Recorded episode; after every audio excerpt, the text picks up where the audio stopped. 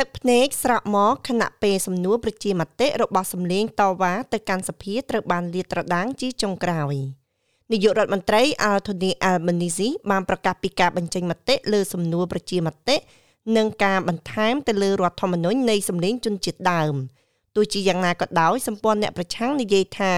ពាក្យនេះនៅតែបានចោទជាសំណួរសំខាន់សំខាន់អំពីអំណាចច្បាប់ និងព័ត៌មានលម្អិតរបស់ស្ថាប័នប្រឹក្សា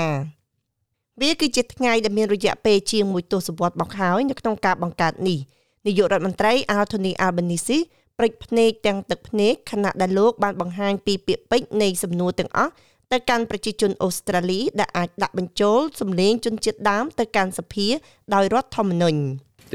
សំណួរដែលប្រជាជនអូស្ត្រាលីនឹងត្រូវបានគេសួរនៅក្នុងការបោះឆ្នោតប្រជាមតិនៅឆ្នាំនេះគឺសាមញ្ញណាស់វានឹងអានថា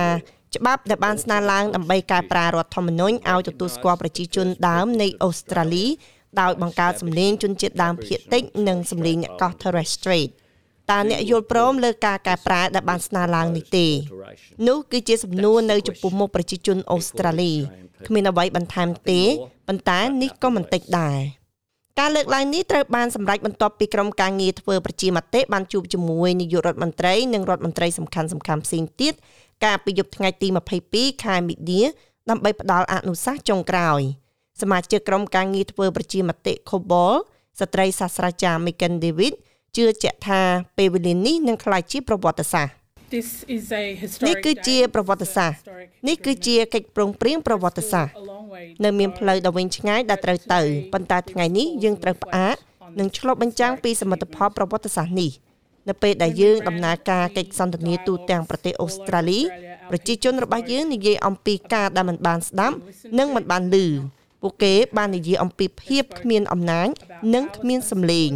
នាយករដ្ឋមន្ត្រីមួយនេះរដ្ឋាភិបាលមួយនេះបានស្ដាប់ដោយគោរពស្មោះត្រង់ពិតប្រាកដដំណើរការនេះល្អសម្រាប់អនាគតនៃសម្លេងជនជាតិដើមលោក Albanese បានបង្ហាញខ្លួនជាមួយរដ្ឋមន្ត្រីជនជាតិដើមអូស្ត្រាលី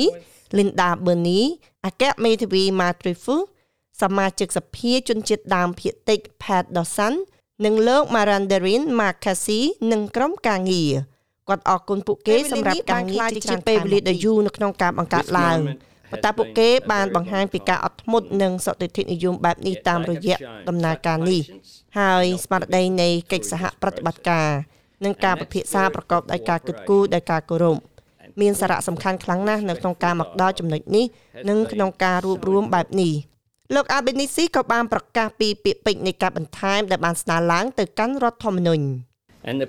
ហើយបទបញ្ញត្តិដែលប្រជាពលរដ្ឋអូស្ត្រាលីនឹងត្រូវបោះឆ្នោតអនុម័តមានដូចខាងក្រោមជំពូកទី9ការទទួលស្គាល់ជនជាតិដើមភាគតិចនិងអ្នកកោះ Torres Strait ក្នុងការទទួលស្គាល់ជនជាតិដើមភាគតិចនិងអ្នកកោះ Torres Strait Islander ជាប្រជាជនទី1នៃប្រទេសអូស្ត្រាលី1នឹងមានការហៅសម្លេងជនជាតិ Aboriginal និងអ្នកកោះ Torres Strait Islander 2សម្លេងជនជាតិដើមភាគតិចនិងអ្នកកោះ Torres Strait Islander អាចធ្វើតំណាងទៅសភា និងរដ្ឋាភិបាលប្រតិបត្តិនៃ Commonwealth លើបញ្ហាតាក់ទងនឹងជនជាតិដើមភាគតិចនិងអ្នកកោះ Torres Strait 3សភាត្រូវស្ថិតនៅក្រោមរដ្ឋធម្មនុញ្ញនេះមានអំណាចបង្កើតច្បាប់តាក់ទងនឹងបញ្ហាដែលតាក់ទងនឹងសម្លេងជនជាតិដើមភាគតិចនិងអ្នកកោះ Torres Strait រួមទាំងសមាជិកមុខងារអំណាចនិងនីតិវិធីលោក Tony McAvoy សមាជិកក្រុមការងារធ្វើប្រជាមតិបានលើកឡើងពីគោលការណ៍សំខាន់សំខាន់ចំនួន9នៃសម្លេងជនជាតិដើមភាគតិចគោលការណ៍រចនាគឺអនុវត្តតាមគោលការណ៍ដែលបានរចនាឡើងនៃសម្លេងជនជាតិដើមភាគតិចទៅកាន់សភាដែលយល់ព្រមដោយក្រុមការងារប្រជាមតិទី1ប្រកាសកសម្លេងនឹងផ្ដល់ដំបូន្មានឯករាជ្យដល់សភានិងរដ្ឋាភិបាល ប្រកាសខវានឹងត្រូវបានជ្រើសរើសដោយជនជាតិដើមភាគតិចនិងជនជាតិដើមភាគតិចអ្នកកោះ Torres Strait Islander ដែលផ្អែកលើបំណងប្រាថ្នារបស់សហគមន៍មូលដ្ឋានប្រកាសគោលវានឹងក្លាយទៅជាតំណាងនៃសហគមន៍ជនជាតិដើមភាគតិចនិងអ្នកកោះ Torres Strait Islander សមតុល្យ gender នឹងរួមបញ្ចូលយុវជនប្រកាសខោវានឹងផ្ដល់សិទ្ធិអំណាចដល់សហគមន៍ដែលដឹកនាំដោយរួមបញ្ចូលការគោរពនិងជូនដំណឹងអំពីវប្បធម៌ ប្រការងវានឹងមានគណនេយ្យភាពនិងតម្លាភាពប្រការចវានឹងដំណើរការជាមួយអង្គការដែលមានស្រាប់និងរចនាសម្ព័ន្ធប្រពៃណីប្រការឆវានឹងមិនមានមុខងារចាយចាយកម្មវិធីទេ ប្រកាសជោវានឹងមិនមានអំណាចជំទាស់ទេក្រុមការងារធ្វើប្រជាមតិលើកទឹកចិត្តដល់អ្នកគ្រប់គ្នាដែលមានចំណាប់អារម្មណ៍លើដំណើរការនេះឲ្យយកចិត្តទុកដាក់លើគោលការណ៍រចនានេះ ពាក្យពេចន៍ទាំងនេះនឹងត្រូវដាក់ចូលទៅសភានៅថ្ងៃប្រហ័សក្រោយ នៅថ្ងៃទី30ខែមិនិនានិងបោះឆ្នោតនៅខែមិថុនាលោកអាបនីស៊ីទទួលស្គាល់ថាអាចនឹងមានការប៉ុនប៉ងដោយសភានៅក្នុងការផ្លាស់ប្ដូរពាក្យពេចន៍ទាំងនេះជាការពិតណាស់វាអាចត្រូវផ្លាស់ប្ដូរមនុស្សអាចបោះឆ្នោតលេខដើម្បីផ្លាស់ប្ដូរវាបានខ្ញុំបាននិយាយយ៉ាងច្បាស់និងច្បាស់លាស់ថា នេះជាមុខតំណែង យើងបានទៅដល់វាដោយឈលលើមូលដ្ឋាននៃជំហររបស់រដ្ឋាភិបាល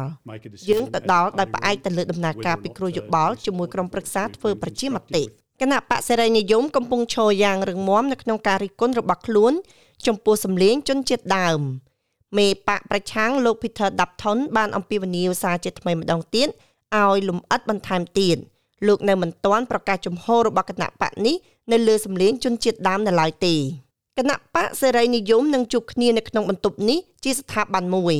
ហើយយើងនឹងពិនិត្យនៅអ្វីដែលរដ្ឋាភិបាលបានផ្ដល់ដល់ពួកយើងនៅពេលណាមួយអ្នកអាចត្រូវបានចងជាប់រហូតដល់ពេលនេះដោយមិនមានព័ត៌មានលម្អិតហើយអ្នកត្រូវពិចារណាពីអ្វីដែលរដ្ឋាភិបាលមាននៅលើតុហើយបន្ទាប់មកយើងអាចធ្វើការសម្រេចចិត្តជាបន្ទប់គណៈបកថាតើយើងគ្រប់គ្រងសម្លេងនេះឬអត់យើងបានធ្វើការស្ថាបនាជាមួយរដ្ឋាភិបាលនៅក្នុងសប្តាហ៍នេះ តកតងនឹងវិក័យប័ត្រដែលត្រូវបានដោះស្រាយជាមួយនឹងផ្ទៃខាងក្រោយនិងយន្តការនៃការធ្វើប្រជាមតិលោកដាប់ថនក៏អំពាវនាវឲ្យនាយករដ្ឋមន្ត្រីផ្ដល់ដំបូន្មានដែលផ្ដល់ដោយទីប្រឹក្សាច្បាប់របស់ Commonwealth គឺអ្នកស្នើច្បាប់ទូទៅដែលបានផ្ដល់មតិជាឯកជនអំពីផលប៉ះពាល់ផ្លូវច្បាប់ ដែលអាចកើតមានឡើងនៃការផ្លាស់ប្តូររដ្ឋធម្មនុញ្ញនាយករដ្ឋមន្ត្រីនៅពេលនេះកំពុងតែប្រឆាំងនឹងការណែនាំរបស់អគ្គមេធាវីហើយខ្ញុំគិតថាវាគឺជាបន្ទុកសម្រាប់គាត់នៅក្នុងការបញ្ចេញព័ត៌មានលម្អិតនោះចេញផ្សាយដំបូន្មានផ្នែកច្បាប់និងបញ្យល់ពីមូលហេតុដែលគាត់ប្រឆាំងនឹងដំបូន្មានផ្លូវច្បាប់នៃបុគ្គលដែលត្រូវបានគេចាប់ប្រកាន់ពីបទផ្ដោតដំបូន្មានផ្នែកច្បាប់គឺសំខាន់បំផុតចំពោះរដ្ឋាភិបាលគាត់គឺជាមន្ត្រីដែលមានឋានៈខ្ពស់បំផុតនៅក្នុងសេវាកម្មសាធារណៈក្នុងការផ្ដោតដំបូន្មានផ្នែកច្បាប់ដល់នាយករដ្ឋមន្ត្រីហើយនាយករដ្ឋមន្ត្រីបានប្រឆាំងនឹងការណែនាំរបស់គាត់ហើយយើងត្រូវយល់ពីមូលហេតុនេះលោក Albanese និយាយថាពាក្យពេចន៍ត្រូវបានពិនិត្យដោយអ្នកជំនាញផ្នែកច្បាប់ទម្រង់នៃពាក្យពេចន៍នេះគឺត្រឹមត្រូវតាមច្បាប់ហើយវាគឺជាទម្រង់នៃពាក្យពេចន៍ដែលយើងទាំងអស់គ្នាមានទំនុកចិត្តនិងទទួលបានការគ្រប់គ្រងខ្លាំងបំផុតពីប្រជាជនអូស្ត្រាលីនៅឯការបោះឆ្នោតប្រជាមតិនិងផ្ដល់នូវលទ្ធផលល្អបំផុត ដែលអាចធ្វើទៅបាននៅក្នុងឆ្នាំខាងមុខគណៈបកជាតិ The Nation Party ក៏មានចំហររងមាំនៅក្នុងការប្រឆាំងនឹងស្ថាប័នប្រឹក្សាជនជាតិដើមភាគតិចដែរ។អ្នកដឹកនាំ David Little Brown និយាយថាសម្លេងជនជាតិដើមចម្លងប្រព័ន្ធការិយាធិបតេយ្យជនជាតិដើមភាគតិចដែលមានស្រាប់ការចេញសំណួរប្រជាមតិថ្ងៃនេះមិនបានផ្លាស់ប្ដូរគោលជំហររបស់គណៈបក The Nation នោះទេ ហើយបានត្រឹមតែពង្រឹងការតាំងចិត្តរបស់គណៈបក The Nation ដើម្បីប្រឆាំងនឹងសម្លេងជនជាតិដើមនេះគឺជាប្រវត្តិសាស្ត្រដែលកាត់ឡើងម្ដងហើយម្ដងទៀតដែលធ្លាប់មានស្ថាប័នតំណាងពីមុនមក វាក៏មិនដំណើរការដែរយើងកំពុងបន្ថែមស្រទាប់ការិយាធិបតេយ្យមួយទៀតទៅលើអ្វីដែលមានប្រសិទ្ធភាពការផ្ដល់សេវាដល់សហគមន៍ដែលជួបការលំបាកខ្លាំងបំផុតយើងមកកាន់តំណែងនេះដោយគ្មានការព្យាបាទឡើយប៉ុន្តែក៏មានចេតនាពិតប្រាកដដើម្បីបិទគម្លាតនេះដែរ ប៉ុន្តែអ្នកធ្វើយុទ្ធនាការរយៈពេលវែងសម្រាប់ការផ្លាស់ប្តូររដ្ឋធម្មនុញ្ញសាស្ត្រាចារ្យជនជាតិដើមភាគតិច Marcia Lanton និយាយថាអ្វីមួយប្រសើរជាងគ្មានអ្វីសោះហើយស្ថាប័នតំណាងបានធ្វើឲ្យមានការផ្លាស់ប្ដូរនៅក្នុងជីវិតជនជាតិដើមភាគតិចមានក្រុមប្រឹក្សានិងក្រុមប្រឹក្សាយោបល់និងក្រុមប្រឹក្សាជាច្រើនទៀតมันមានភ័ស្តុតាងដែលបង្ហាញថាពួកគេមិនដំណើរការនោះទេហើយអ្នកដឹងទេថាខ្ញុំបាននៅជំវិញបញ្ហាទាំងនេះតាំងពីដើមមកម្លេះហើយវាគឺជាការពិត ពួកគេបានធ្វើឲ្យមានភាពខុសប្លែកគ្នាជាវិជ្ជមានអត្ថបទនេះរៀបចំដោយ Sophia Tharin និងប្រែសម្រួលដោយនាងខ្ញុំឡៅដានីសម្រាប់ការផ្សាយរបស់ SBS ខ្មែរ